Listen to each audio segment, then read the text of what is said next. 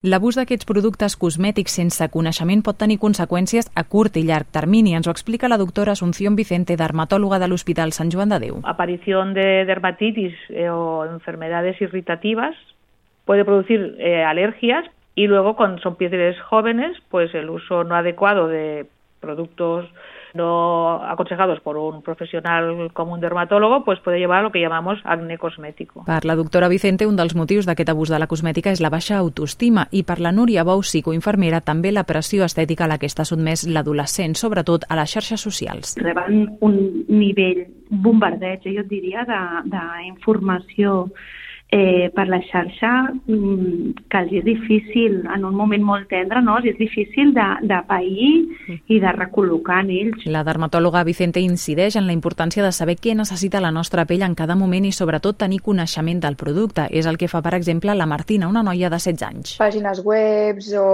també recomanacions d'amigues o per vídeos de YouTube de gent que en sap i que és especialista i si no, doncs a la mateixa botiga li pregunto a la dependenta a partir de la meva edat. Per això els experts recorden que una pell sana no requereix cap tractament i que sempre cal l'assessorament d'un professional.